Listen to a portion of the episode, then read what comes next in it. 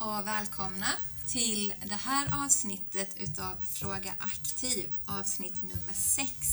Och det är ett avsnitt som kommer efter ett ganska långt uppehåll från oss i Aktiv eftersom att eh, pandemi och eh, andra orsaker tyvärr har eh, gjort att vi har varit lite dåliga med att kontinuerligt få ut vår podcast. Men nu är vi jättepeppade och sugna på att köra igång igen och vi hoppas att ni är det också. Eh, idag i den här podcasten så är det jag, Ellen Pasland, doktorand vid Socialhögskolan i Lund, som eh, ska prata med Daniel Holm om ett jätteviktigt ämne och det ämnet är eh, ekonomiskt bistånd och barns utsatthet och mer specifikt barns ekonomiska utsatthet. Eh, och tanken är där att vi ska kunna prata om just viktiga frågor som jag tror att det är många försörjningsstödshandläggare här ute som eh, funderar kring.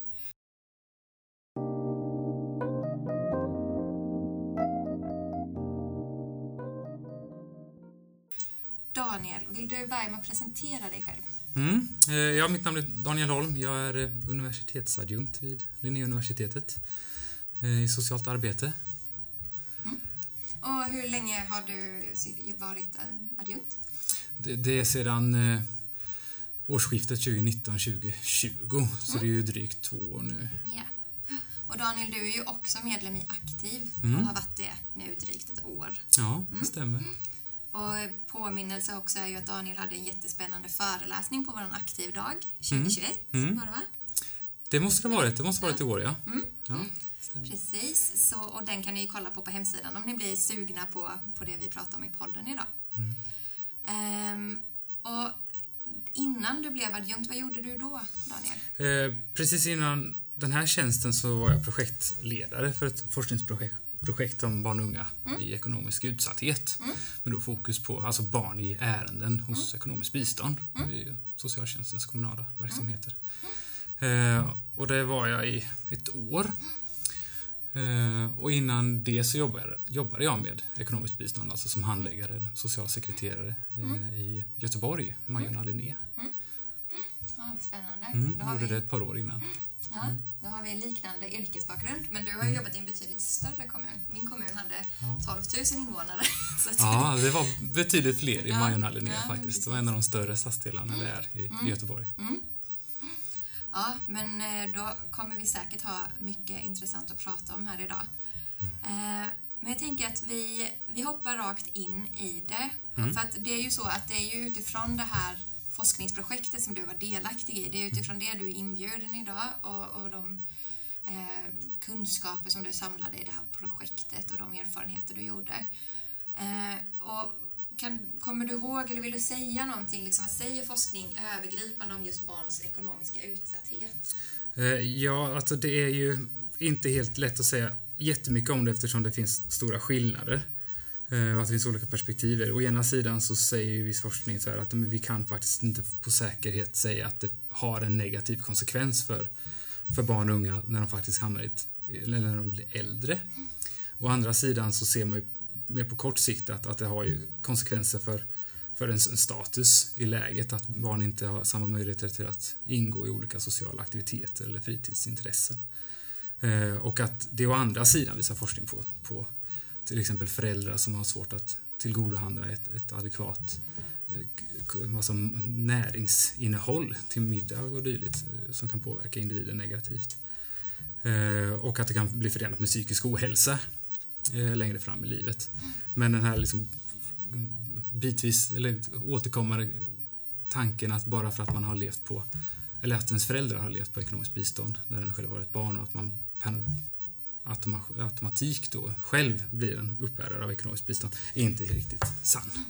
Men det är en ganska stark idé som lever kvar i många socialkontor skulle jag mm. säga. Ja, det är det. Ja. Eh, och jag vet både yrkesmässigt och ifrån de här samtalen som jag hade under projektets gång att, att den idén finns där, mm. eller den mm. föreställningen. Mm. Att ja, men det är ju ärenden som går över generationer. Jag har ju mm. handlett den här personens mormor en gång i tiden, i stort sett. Eh, och, och, det är klart att sånt, det är inte omöjligt att sånt förekommer och jag tvivlar inte på, på de personernas ord per se. Men, men att det, det, skulle kunna generaliseras på sånt sätt som kanske annars talas om skulle jag inte. Nej. säga. Nej, precis. Och det, är- ja, jag tänker det är en viktig utgångspunkt att ha med sig när vi, när vi pratar om det här just att det är liksom eh, den typen av liksom skam och stigma och tabubeläggning som finns kring ekonomisk utsatthet och just barn och de idéer vi har om socialt arv och sånt där är mycket kanske just konstruktioner i det egna socialkontoret just och som är väldigt svårt att belägga. Utan det är som du säger, det är en väldigt mycket en hörsägen och väldigt mycket bundet till väldigt specifika individer och väldigt specifika ärenden många gånger som kanske har en annan social problematik snarare Och ja, den kombinerad då. Ja. gärna. Eh, och att det är väl de som, det klassiska, den som skriker högst hörs. Ja. Eh, och det är väl det även i, i detta fall. Men med det sagt så finns det ju som sagt mer kortsiktiga konsekvenser av det, som jag var inne på med, med fritidsintressen. Ja, av de, flera av de barnen som jag pratade med, eller intervjuade då, så kunde de ju säga att de avstod faktiskt direkt ifrån vissa fritidsaktiviteter. Eh, och det finns ju annan forskning eh, av Anette Bolin till exempel som menar på att barn tar ett, ett synnerligt ansvar för sina föräldrars ekonomi. Eh, och det, det är svårt att studera det empiriskt i ett- något slags longitudinellt perspektiv. Men man kan ju på sätt och vis anta att det faktiskt får konsekvenser på ett eller annat sätt för en individ. Eh, och det, om man vill koppla det till anknytningsteorier och dylikt. Alltså det, ek, en ekonomisk knapphet innebär ju naturligtvis en stress hos föräldrar för att föräldrarollen och dess position inkluderar ett otroligt ansvar av att inneha ekonomiska medel för att kunna försörja barnen. Alltså ha- kunna köpa kläder och fritidsutrustning och mat och allt vad det innebär. Eh, och, och kan man inte göra det så innebär det ju en stress. Och det smittar ju naturligtvis av sig på barnen för barn förstår och hör så mycket mer än man kanske tror eller antar att de gör. Och tar mycket mer ansvar. Absolut, och det är också jätte, jätteviktiga poänger. Och jag tänker liksom som, eh, som nybliven småbarnsförälder själv så är det ju otroligt kostsamt att ha barn. Så är det ju liksom. Mm. Ja, det är det.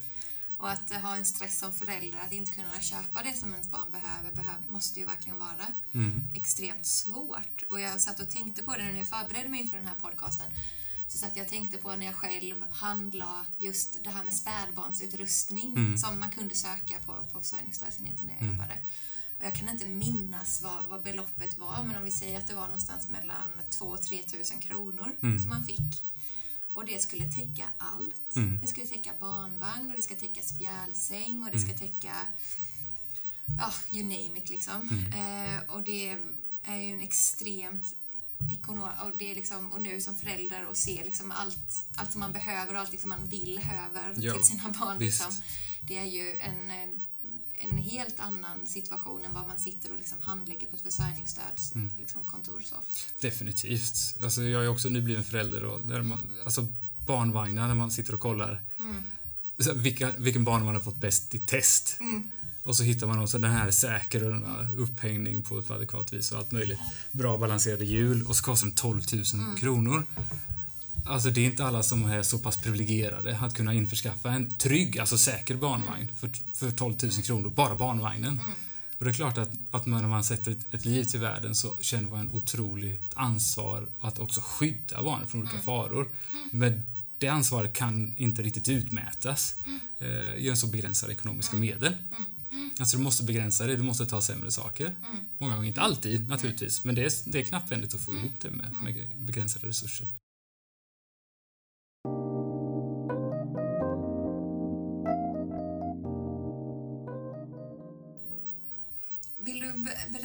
Lite mer om den här? Du har liksom påbörjat lite att berätta om studien, men vill du berätta lite mer kring den? Hur kom den till och, och liksom...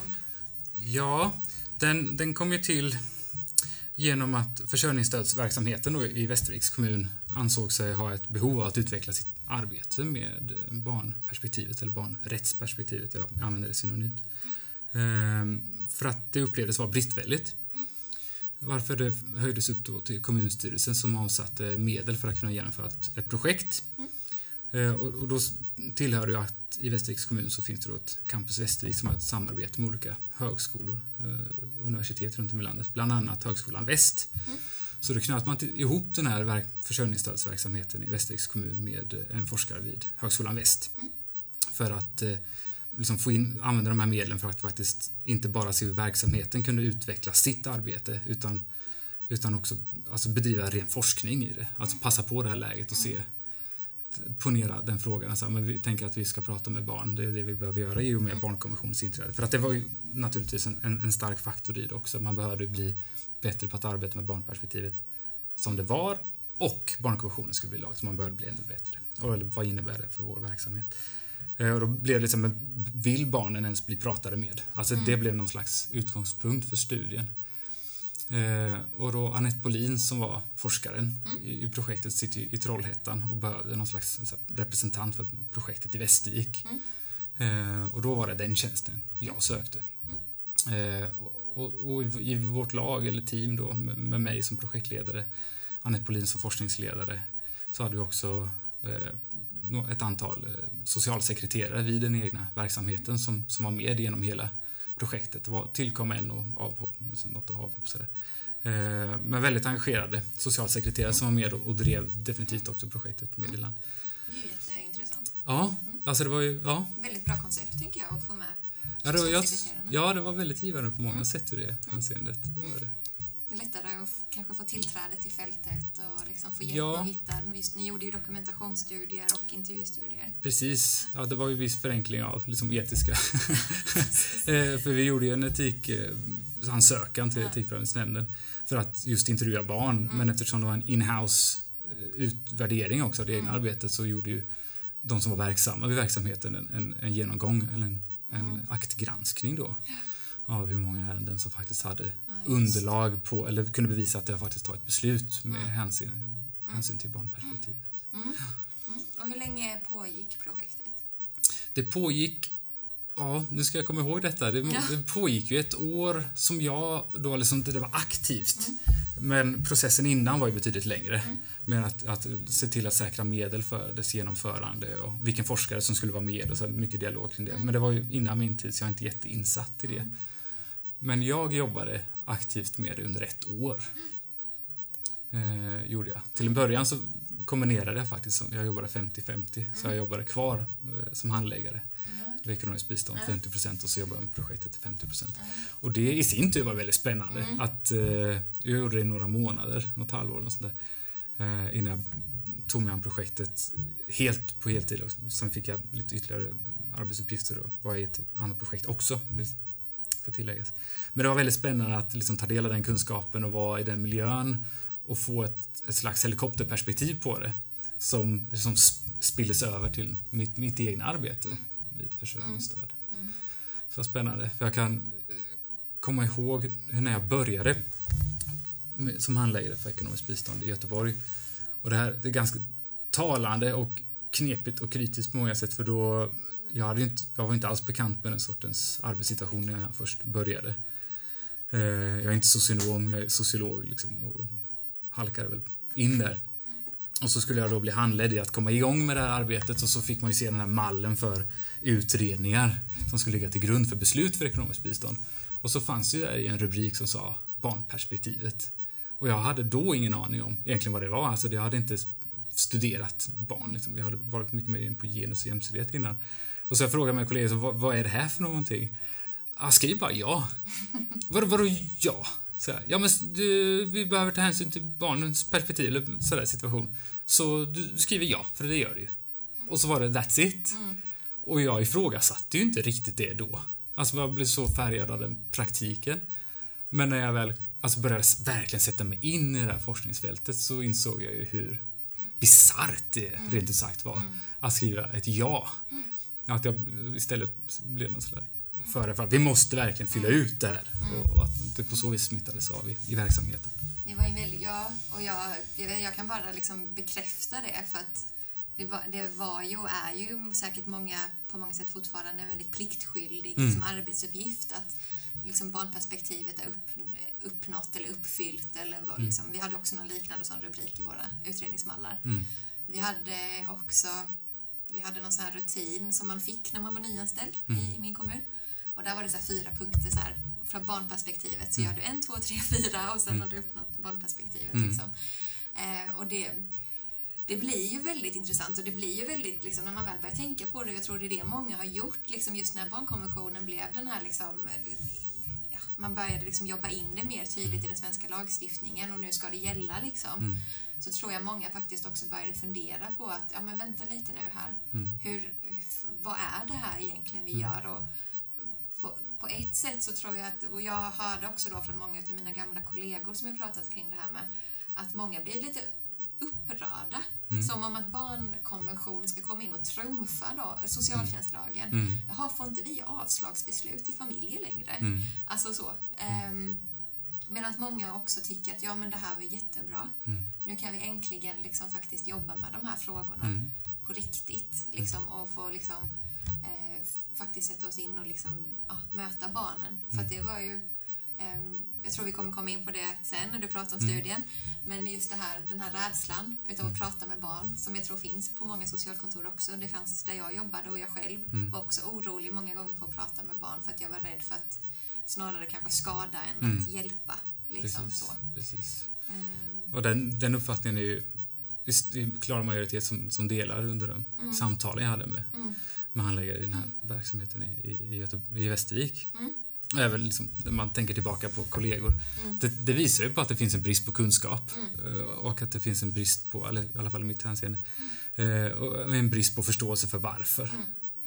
Mm. Och det, det poserar ju någon slags kritik mot, mot det överstatliga i det kommunala arbetet. Hur det Mm. blir, alltså jag säger inte att det är, men det kan ju vara att barnkonventionen är en, en symbolpolitik som inte är helt genomtänkt helt och hållet. Alltså Mm. utredningen är väldigt omfattande och tar upp jättemånga värdefulla punkter, men inte kring försörjningsstöd. mm, Och då är det en helhetssyn för att någonting saknas. Eller, ja.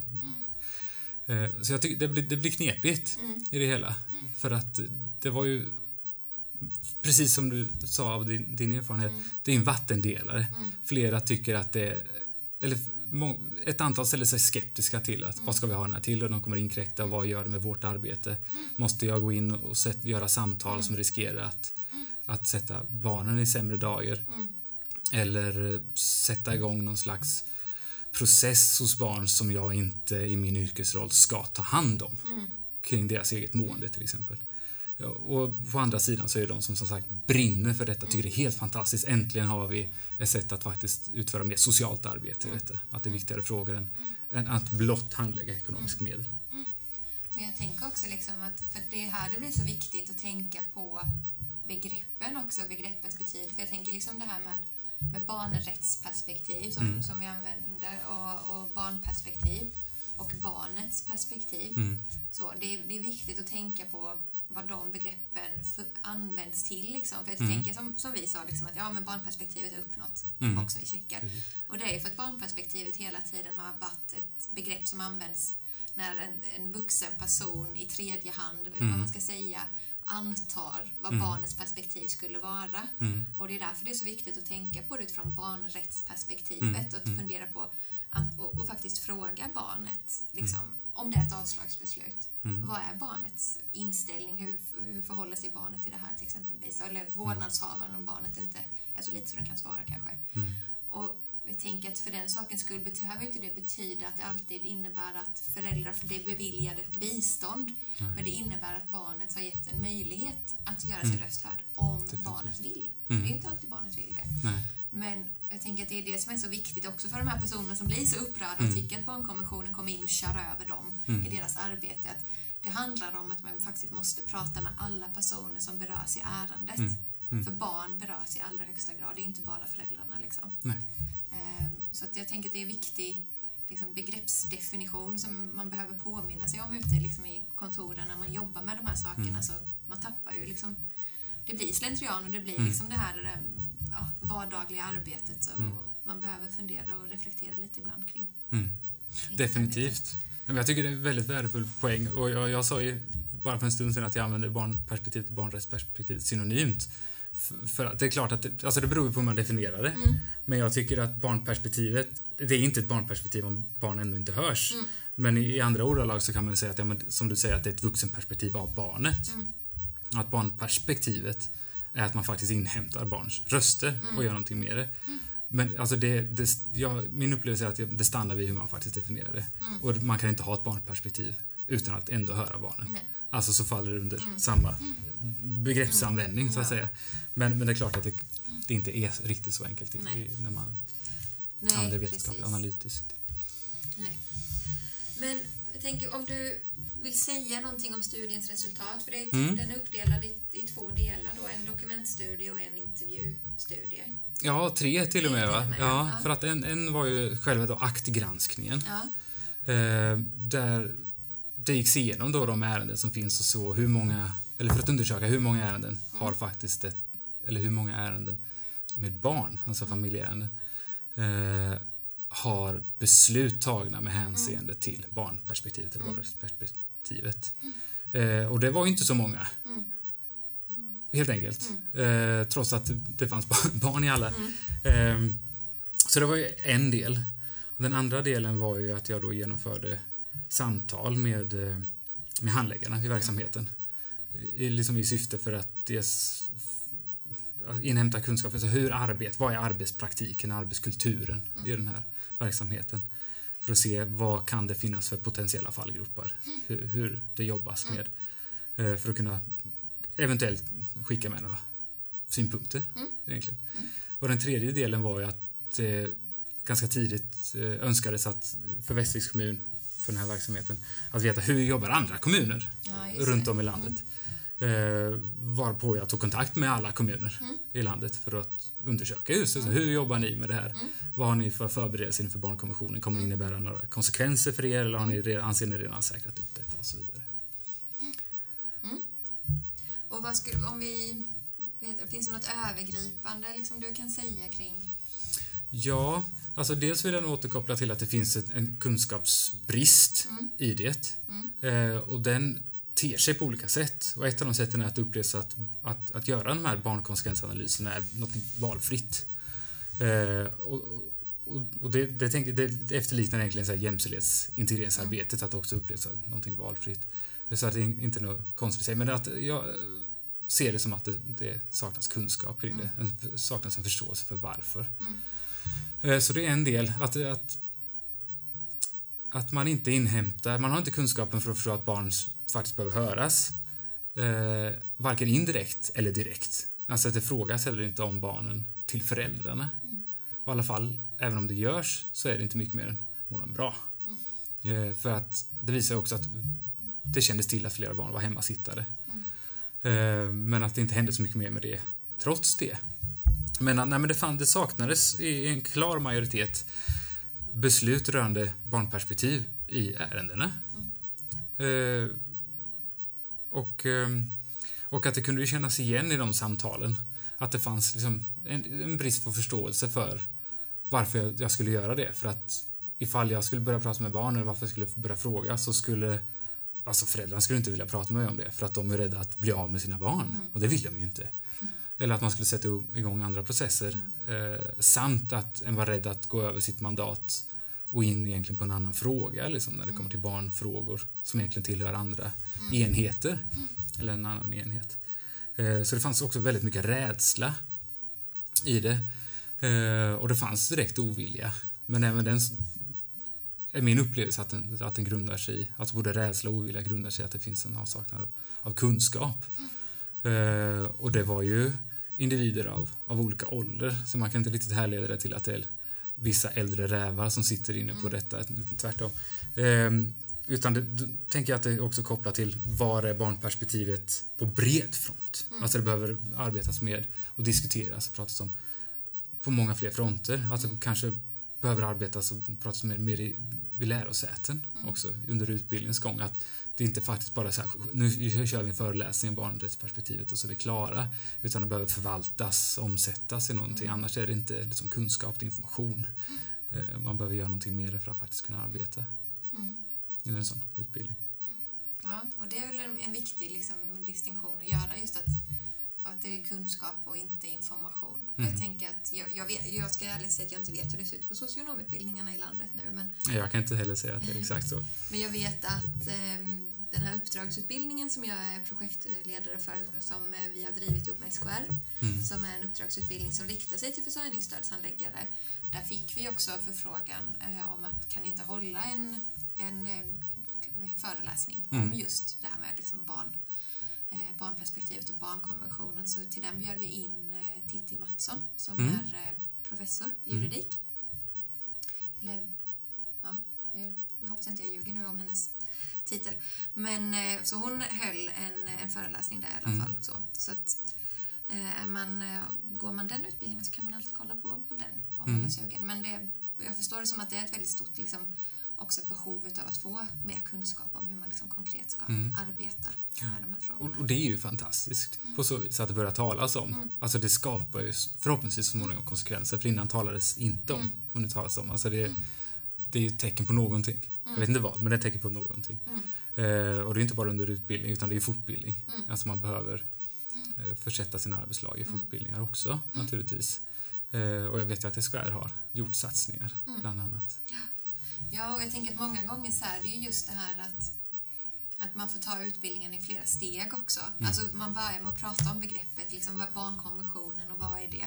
Mm. Och sen så får man liksom gå tillbaka till sin kammare och fundera och sen behöver man också, ja men hur tusan omsätter vi det här till Mm. praktiken nu Mm. då? Mm. Gör vi rätt när vi gör si och så? För att jag känner också igen det liksom som du nämnde här med liksom rädsla i att, jaha Mm. men får jag verkligen göra det? Jag är ju inte barnhandläggare Nej. kan jag prata med barnet om det här? Och, alltså så, det finns nog mycket liksom, rädsla att, eh, att göra fel i arbetet. Och Ja. också, många gånger så är det ju sådana saker som till exempelvis tidsbrist och stress som kan, Visst, spela stor roll också. visst. Och vad liksom organisationen tillåter socialsekreteraren att arbeta liksom inom för ramar. Mm. Mm.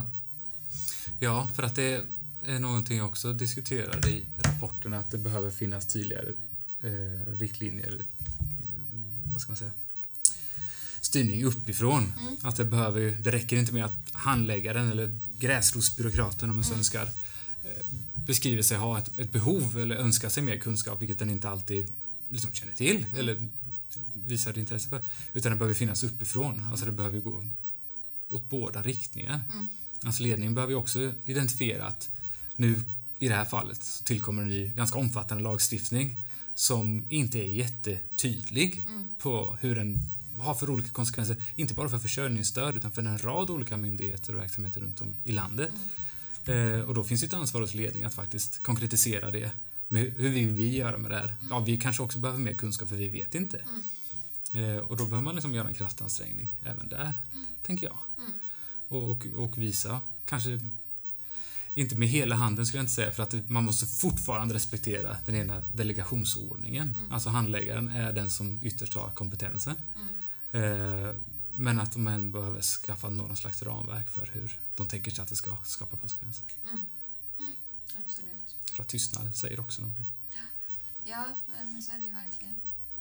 Men jag tänker barnen som, som du intervjuade då. Mm, mm. Eh, vad kan du berätta om, vad berättade barnen? Vad hade de för erfarenheter? Ja, alltså det var vissa likheter och vissa skillnader. Um, och eh, var ska jag börja med det? Alltså det fanns ju de som... Om man börjar i att det finns någon slags uppfattning att det är stigmatiserande kring, kring att uppbära ekonomiskt bistånd. Så jag ska inte säga att det inte gör det, för det gör det ju. Men det fanns ju de barn och unga som verkligen motstred sig det, som tyckte inte att det var under någon, på något sätt någonting konstigt, utan vadå, vi får det här nu, vi kommer ju betala igen, alltså det här är ju möjliggörande för vårt leverne. Eh, å andra sidan fanns ju definitivt de som, som bekräftade det här stigmat, att de inte ville prata om det. De direkt sa liksom, jag kan inte komma på, på den här tillställningen, vad det nu kunde vara, för att eh, egentligen har jag inte pengar till det, men jag säger att jag inte vill. Mm. Eh, och att de kanske avstod ifrån vissa mer, eh, ska man säga, produkter som, som förde med sig högre status för att de sa som ställningstagare att jag vill inte ha en sån. Mm. Men de som sa att jag vill visst ha en nyare modell av den här Mm. produkten. Eh, så det var väldigt högt och lågt Mm. på många sätt. Eh, sen fanns det, det, det var ju en, en stor andel som var utrikesfödda och de var mycket mer, alltså som grupp i det här fallet, eh, under de här intervjuerna, så var de mycket mer positivt inställda till ekonomiskt bistånd. Eh, och väldigt tacksamma Mm. för det. Medan de inrikesfödda, som jag kallar dem, som grupp i det här fallet, var mycket mer skeptiska Mm. till det. Och där kunde det vara att vi har inte medel tillräckligt för att, för att handla mat en hel månad utan vi kör fattigonsdagar. Ehm, eh, och dylikt. Eller de, de kunde de, det var vissa barn som hade lärt sig vad saker och ting kostade i butiken så att de visste liksom, nu har jag så här mycket pengar i handen. Då är det här jag behöver skaffa. Redan innan de gick till butiken. Eh, men, det var inte någonting riktigt konsekvent. Det var vissa då. Mm. Ehm, ja, vad mer ska jag säga om det? Nej, men det, jag, tänker, jag tycker det var, dels så tycker jag att det var intressant just det här att det gick lite stick i stäv resultatet med tidigare. För innan, tidigare forskning har just fokuserat mycket på det här med just alltså med stigma och Mm.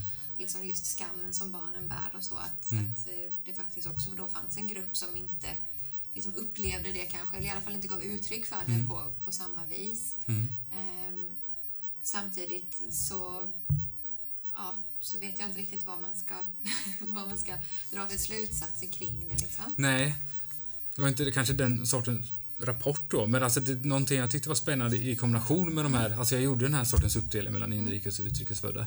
Och det var inte bara att de utrikesfödda var väldigt positiva till försörjningsstödet i sig och som sagt var tacksamma och möjliggörande. Men nu får ju min mamma stöd att genomföra en utbildning under tiden som hon uppbär det här och vi kan gå i skola och allting. Så det fanns ju en tacksamhet för välfärdssystemet egentligen. För att de hade ju, det som jag tyckte var spännande var att de hade såna stora drömmar om livet Mm. Också. Att de verkar inte bli tyngda av det utan de, de hade inte svårt att drömma sig vidare att de skulle bli Alltså skaffa yrken av högre status. Alltså en drös olika exempel på det. Eller så här, man drömde att de skulle ha hästar och såna grejer. Även att de idag inte kunde gå till stall till exempel. För de hade inte råd att införskaffa den skyddsutrustning som krävdes. Men de inrikesfödda hade inte den sortens... De, de beskrevs inte ha den upplevelsen eller uppfattningen att de kunde drömma så pass mycket. Utan vadå, jag får ju bara fortsätta med detta. Jag vet inte vad jag ska göra. Eh, alltså det, var, det var spännande att vara, sitta ihop så mycket. Och det tänker jag, det, det skulle vara någonting man skulle behöva studera mer. Mm, absolut. För att det blir en, en kritisk röst i mig säger, men var det verkligen, kan det vara så pass uppskattat? Mm. Eh, men då ska man gå tillbaka, är det de säger. Och det är också den, den problematiken som är inbyggd i barnrättsperspektivet. Ja, såklart. Och det är, den, liksom, det är ju den problematiken som ligger i, i intervjuer överlag. Ja. är ju att man är liksom bunden till det personen väljer att dela med sig av Ja. och berätta för stunden. Liksom. Ja. Så, och det kan man inte göra annat än att lita på att Nej, det är de, det som de skildrar sin, sin faktiska upplevelse. Ja. Liksom. Eh, så. Och det, det är ju absolut gott nog så. Mm. Ehm. Ja, nej, jag ty- det, liksom, det var det jag fastnade mest för i den rapport var just barnens liksom, berättelser och skildringar och också som du sa där just det här att liksom hur man hittar sina strategier Mm. och så. Och det påminner ju en del om det som om Anne Harrius avhandling Ja. och liksom där just att man hittar strategier för ja, men vad kan man handla i affären och hur man förhåller sig kanske framförallt till sina, till sina kompisar. Att Mm. man inte eh, liksom, med sin familjs ekonomiska utsatthet på det viset. Utan, som den här tjejen som ljög om att den moppen hon ville ha var liksom slut Mm. i butiken och därför var hon tvungen att ha liksom en betydligt sämre moppe när alla andra kompisar hade nya fina Mm. Ehm, så. Ja, det finns ju definitivt olika nyanser eller olika sätt som Mm. den, de strategierna tar sig uttryck. Ehm, för definitivt så fanns ju de som sa att jag hade inget val eller jag hade val, jag valde det här istället. Eller bara tog bort sin valmöjlighet Mm. från det helt och hållet. Ehm, och även när vi ställer frågor som hur, hur pratar ni om pengar hemma? Mm. Även de som sa att men vi är positivt inställda till detta sa att vi pratar inte så mycket om det. För varför ska vi? Mm. Alltså på ett sätt så var det som att men vi har inte det ansvaret, det var så uppenbart. Mm. Och för andra var det att vi tar ansvaret att inte. Alltså vi, precis. mamma blir ledsen. Ja, man vill inte tillföra stress till Nej. föräldrarna. Precis. Eller så här, vi får pengar av vår mormor och morfar istället. Mm. Så vi klarar oss Ja, men precis. till att köpa en tröja till exempel. Ja. Så det var, ja, men det var högt och lågt så att säga. Ja. Men hur ska man liksom... För jag tänker att det, det, det kritiska i det här också någonstans ligger ju i att många... Det är många gånger barn och ungdomar vill ha är ju sånt som inte ryms inom försörjningsstödets gränser. Liksom. Mm. Så, en moppe till exempelvis, Mm. eller en eh, ny telefon. Mm. Eh, hur ska man liksom som försörjningsstödshandläggare liksom hantera det? När den typen av liksom behov gör sig gällande när man pratar med barn. Mm. Jag tänker det är också en... Det, det är svårt att svara på, men det bara liksom, det bara slog mig liksom att det, det är också väldigt liksom svårt att hantera för att någonstans är försörjningsstödet liksom, det ska vara det yttersta skyddsnätet Mm. det ska vara vad den, vad den annan låginkomsttagare på orten har råd att eh, bekosta, eller kosta på sig, som Mm. så fint står i förarbetena. Mm. Men samtidigt så befinner sig ju barn i liksom en annan social verklighet många gånger i jämförelse med sina kamrater. Mm.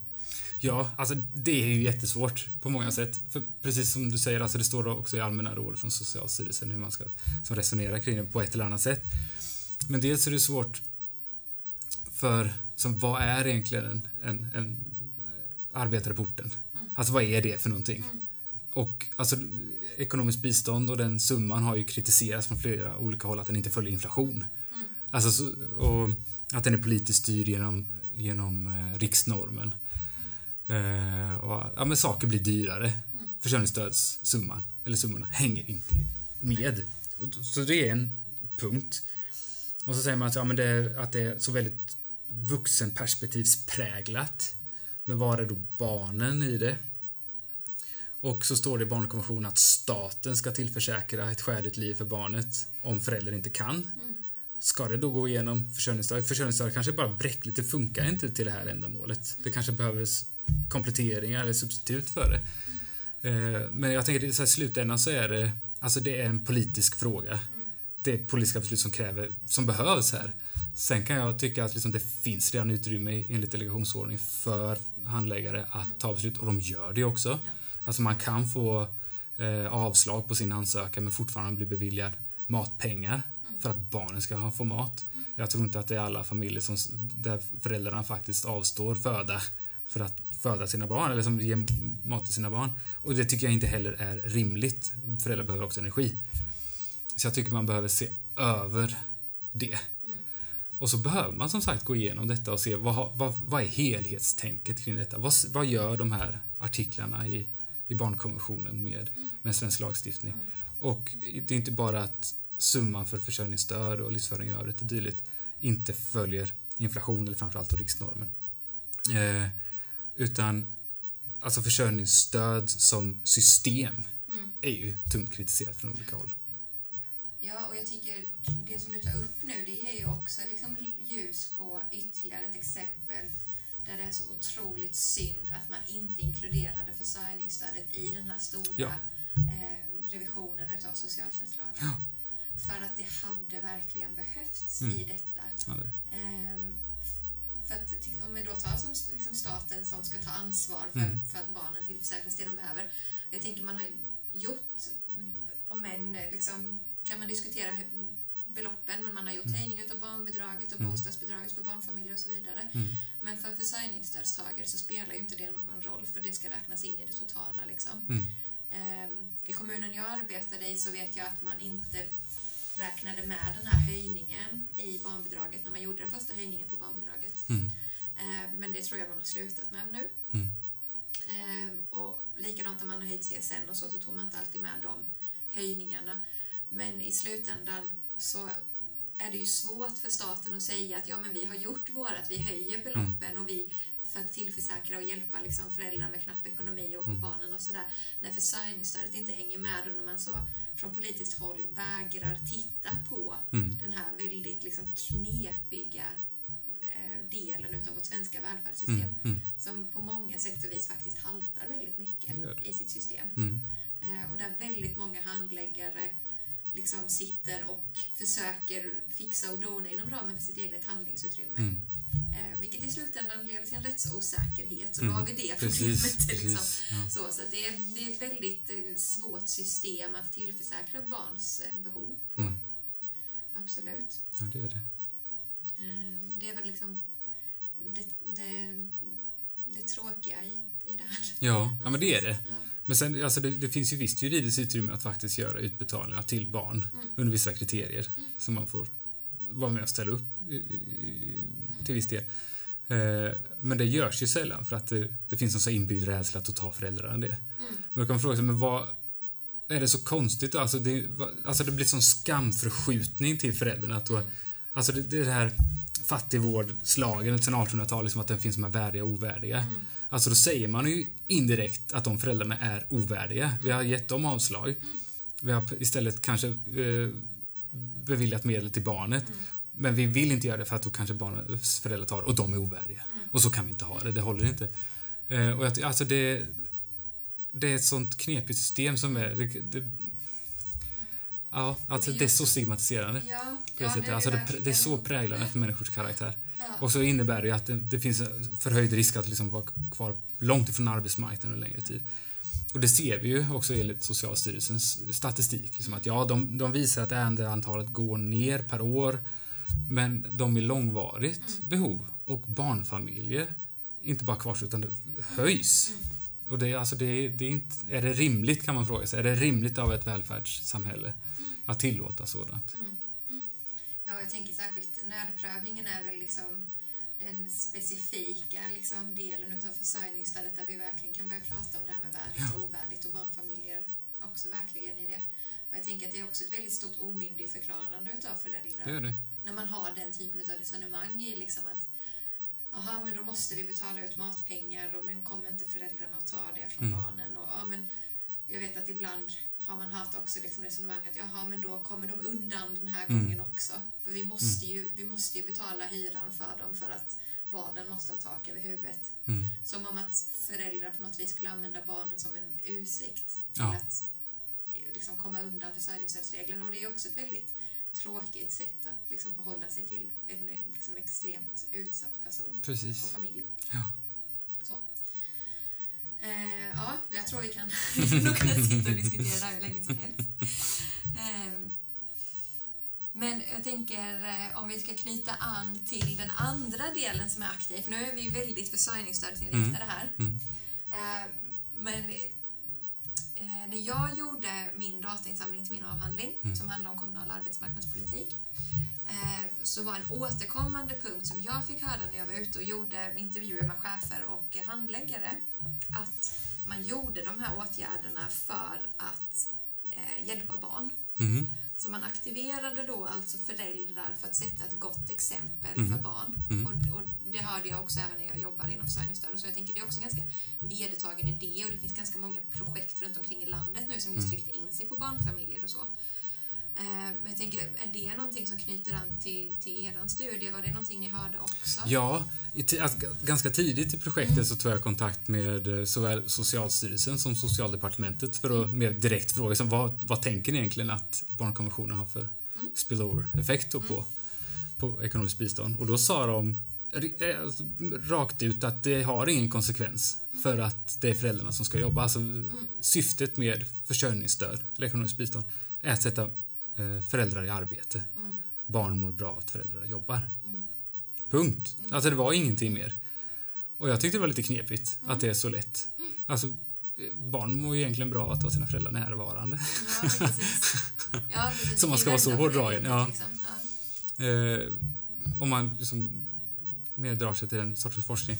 Så är det med, med ens anknytning och allt möjligt. Så det tycker jag är ganska knepigt. Och bara, alltså det är en del av knepigheten och en del är att säga att nej, det har ingen konsekvens. Inte bara så att nej, men det som är, är nu är stadigvarande och det är bäst för barn. Och sen, nej, vi kommer inte göra någon förändring. Mm. Det är väldigt talande ur, ur, ur polisens resonemang, tänker jag. ja, och verkligen hur... Vi vill eh, inte röra det här organisationen, systemet. Nej, nej och hur, liksom hur, hur inpräntad just aktiveringslogiken har Ja. blivit i liksom det ekonomiska biståndet om man tänker hur det har rört sig kanske från 80-90-talet till idag i, Mm. i så att i, nu, nu såg jag här de senast att det är politiker igen som är ute och, och, och vevar om att det ska komma in tydligare krav i, i försörjningsstödet för Mm. att man ska ha rätt till försörjningsstöd. Mm. Medan de i sin tur då hänvisar till sådant som redan står i, i Mm. lagen. Liksom. Mm. Eh, och de här väldigt tydliga aktiveringskraven som finns är ju också många gånger kopplade till just ja, men barnfamiljer och föräldrar och att barn ska få föräldrar som arbetar. Mm. Eh, som att det per automatik skulle då innebära att, att barn mår bättre. Ja. Och det är, ja, det är en eh, ganska kaxig eh, ståndpunkt. Stämning. Ja, ja, men det är som, det. som inte kanske har så mycket stöd i forskning kan man ju Nej. säga då. Nej. för det är som du säger, barn skulle väl egentligen må bäst av att ha sina föräldrar närvarande och ha en stabil ekonomisk situation. Det betyder inte att, att föräldrarna arbetar i sig. Nej. Ehm. Mm. Nej, nej men det, jag tänker att det är inte konstigt på ett sätt om man talar om så välfärdssamhället ur ett mer marxistiskt eller kritiskt perspektiv så är det ju ett behov av en ständig rullians. Alltså det är en, en, cirkel, en kedja som hänger ihop. Alltså vi behöver vara välmående för att kunna arbeta. För att kunna betala skatt. Och skatten går till att vi ska kunna hållas friska eller genomgå lämpliga utbildningar för att kunna få lämpligt arbete och så vidare. Så i den, på så vis är det inte konstigt. Alltså, men, utan det pekar ju otroligt mycket på att ja, du får de här välfärdssatserna, insatserna. Men vi förutsätter att du presterar Mm. tillbaka. Och det, kan, det, kan, det är kanske inte så himla märkligt. Alltså det blir det typiska social contract, eller det sociala avtalet. Mm. Men när det går ut över individer som inte förutsätts ha det ansvaret för ekonomin, Mm. vilket det gör i det här fallet, då kan man nog fråga sig vad, vad man egentligen gör med det kravet på motprestation. Ja, och jag tänker när, när kravet på motprestation hela tiden också tenderar att öka, Ja, som det ju också gör liksom i aktiveringspolitiken. Det är ju inte det att vi i samhället idag nöjer oss med att en, en arbetslös person aktivt söker arbete. Eh, om vi då tar liksom att eh, ja, Kalle är arbetslös, eh, inskriven på Arbetsförmedlingen, söker arbete aktivt. Mm. Det är ju inte där vi är heller längre idag, utan nu ska Kalle också vara i en arbetsmarknadsåtgärd. Mm. Han ska söka arbeta aktivt, han ska jobba med sitt CV, Mm. han ska göra liksom det ena och det andra. Mm. Är det dessutom så att eh, Kalle skulle råka, befinnas, råka vara en kvinna Mm. som är Ja, utrikesfödd, ja. om vi då ska liksom generalisera det, då ska också Kalle förväntas gå i SFI under sin föräldraledighet Mm. för att ha rätt till försörjningsstödet. Så då ska man helt plötsligt rucka på den här rättigheten att få vara ledig med sitt barn den första tiden Mm. för att ha rätt till försörjningsstöd. Så att det här aktiveringskravet ökar ju hela, hela tiden Mm. i samhället. Men som du säger så tar man ju inte in liksom barnet i beaktande i det heller. För Mm. det, det är ju en ganska svår nöt att liksom knäcka, att, att Mm. få ihop de två logikerna. Liksom. Mm. Och jag tror att det var eh, Tapio Salonen tillsammans med någon annan som jag inte kan komma på vem det är just nu, men jag kan lägga ut den länken tillsammans med när vi postar den här eh, podden, som har skrivit en artikel just om det här med aktivering och barnfattigdom, tror jag det är. Mm. Rangelin. Nej, det var en, en en nyzeeländsk kollega. Mhm. De gjorde någon typ av komparativ studie. Tror jag. Okej. Men eh, han har skrivit en text om det just och den är, den är jätteintressant just i förhållande till detta. Mm. Eh, Men den, den länken kan vi, eh, kan vi lägga ut tillsammans med det här poddavsnittet. Tillsammans med lite an, med er rapport såklart om det Mm. var någonting mer från eh, Anette Bolin och, och lite så. Mm. Så att man har lite goa lästips och Ja, och precis. koppla Ja, det finns en, en artikel som Anette Bolin skrev tillsammans. Ja, men vad bra. Det är perfekt.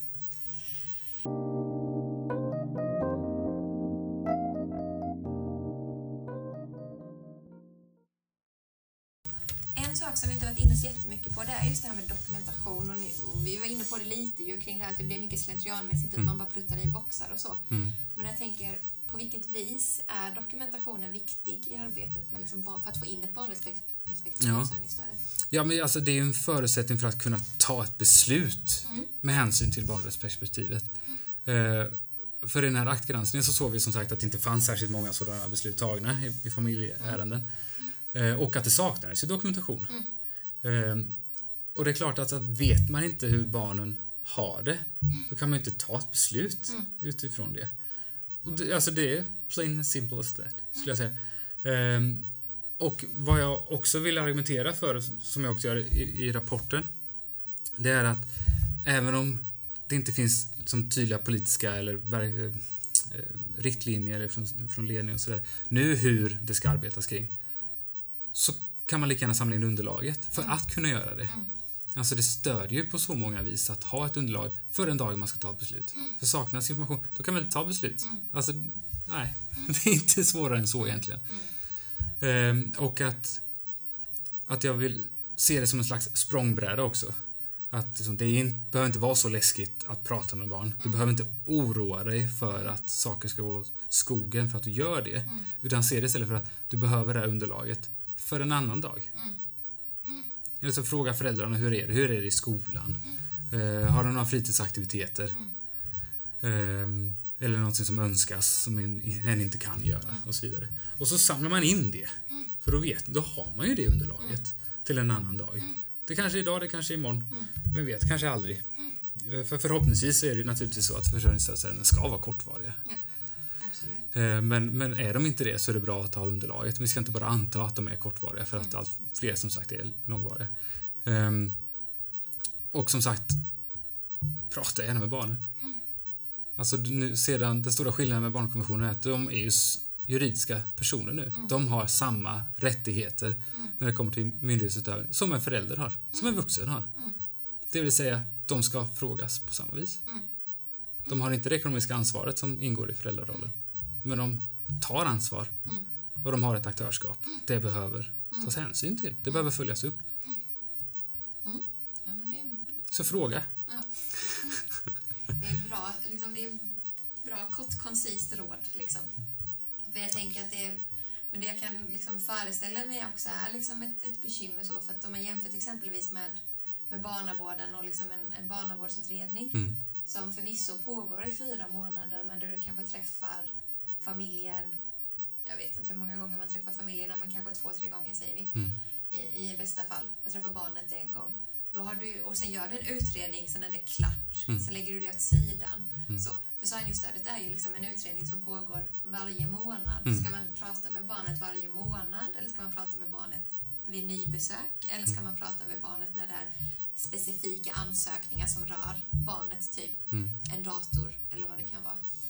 Ja, jag tänker att det är inte någonting som jag vill komma med en så direkt Mm. styrning till, eller så förslag på utan jag, mitt förslag är att det behöver arbetas fram kollegialt, alltså i verksamheten. Hur vill vi göra? Och det är det man gör. För att jag, vi kan inte bara säga att alla 290 kommuner ska jobba på samma sätt och det ska vara vid ett nybesök.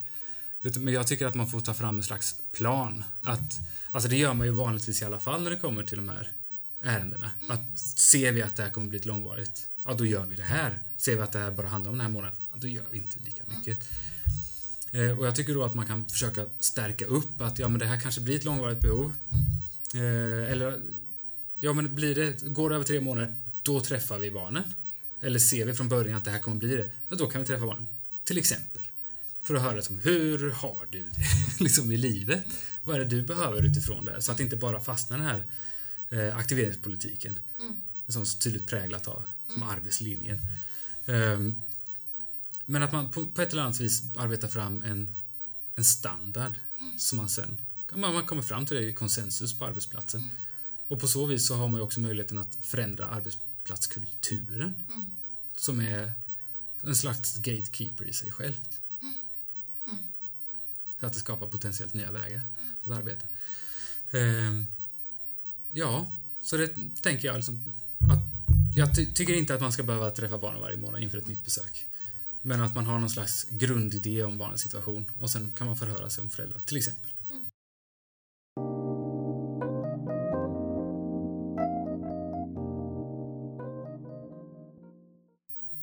Att som verksamhet bidra till en gemensam förståelse för varför behovet finns. Än så länge så finns det ju inte ytterligare politiska riktlinjer eller politiska målsättningar med det. Eh, varför det finns ett stort behov av att verksamheten koordinerar sig och skapar konsensus. Hur vill vi göra med det här? Men med det sagt så tycker jag ju att det bör finnas en tydligare styrning uppifrån. Ifrån staten. Alltså, det är statens ansvar. Riksdagen har sanktionerat kommuner att arbeta med det här. Det är de som säger att kommunen ska finnas, det är de som, som har tagit beslut om kommunallag, socialtjänstlag. Eh, och då behöver de också ta ett ytterligare ansvar kring det här genomförandet. Och det vill jag egentligen inte se att det blir på en, på en detaljstyrningsnivå. För att vi måste kunna lita på expertisen som sitter i socionomen eller socialarbetaren på ett eller annat sätt.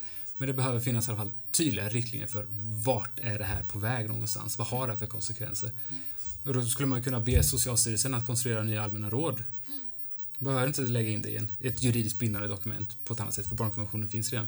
Men ge ytterligare stöd för hur handläggare för ekonomiskt bistånd kan förlita sig på barnkonventionen. Alltså det som är syftet med det. Eh, att man ska kunna ta extra hänsyn. Man måste inte. Man måste, man måste inte. Men man ska kunna förlita sig på det, även dom, dom, domstolarna naturligtvis. Eh, men att det behöver finnas någon slags förankring och konkretisering av detta arbete. Vart är det på väg? Eh, men sen i förlängningen kan man ju som sagt diskutera vart socialtjänstlagen med de här paragraferna kring, Mm. kring ekonomiskt bistånd ska göras med. Ja, precis. Det är en intressant fråga för. Det är det. Mm. Ja, men eh, då tror jag att vi eh, stannar där för idag. Så då tackar jag dig jättemycket för att du var med Daniel och gav av din tid och Tack. din kunskap. Så har ni frågor kring det här avsnittet, eh, vill ni veta mer eller är det någonting vi har sagt som ni tycker är tokigt så kan ni alltid mejla till oss på aktiv.lnu.se dyker upp frågor som ni vill att eh, vi eller någon annan eh, forskare aktivt ska svara på så har vi ju en frågelåda på vår hemsida som ni hittar om ni går in på www.kmaktiv.org och klickar fram till frågelådan där. Eh, så tack så mycket för idag. Tack.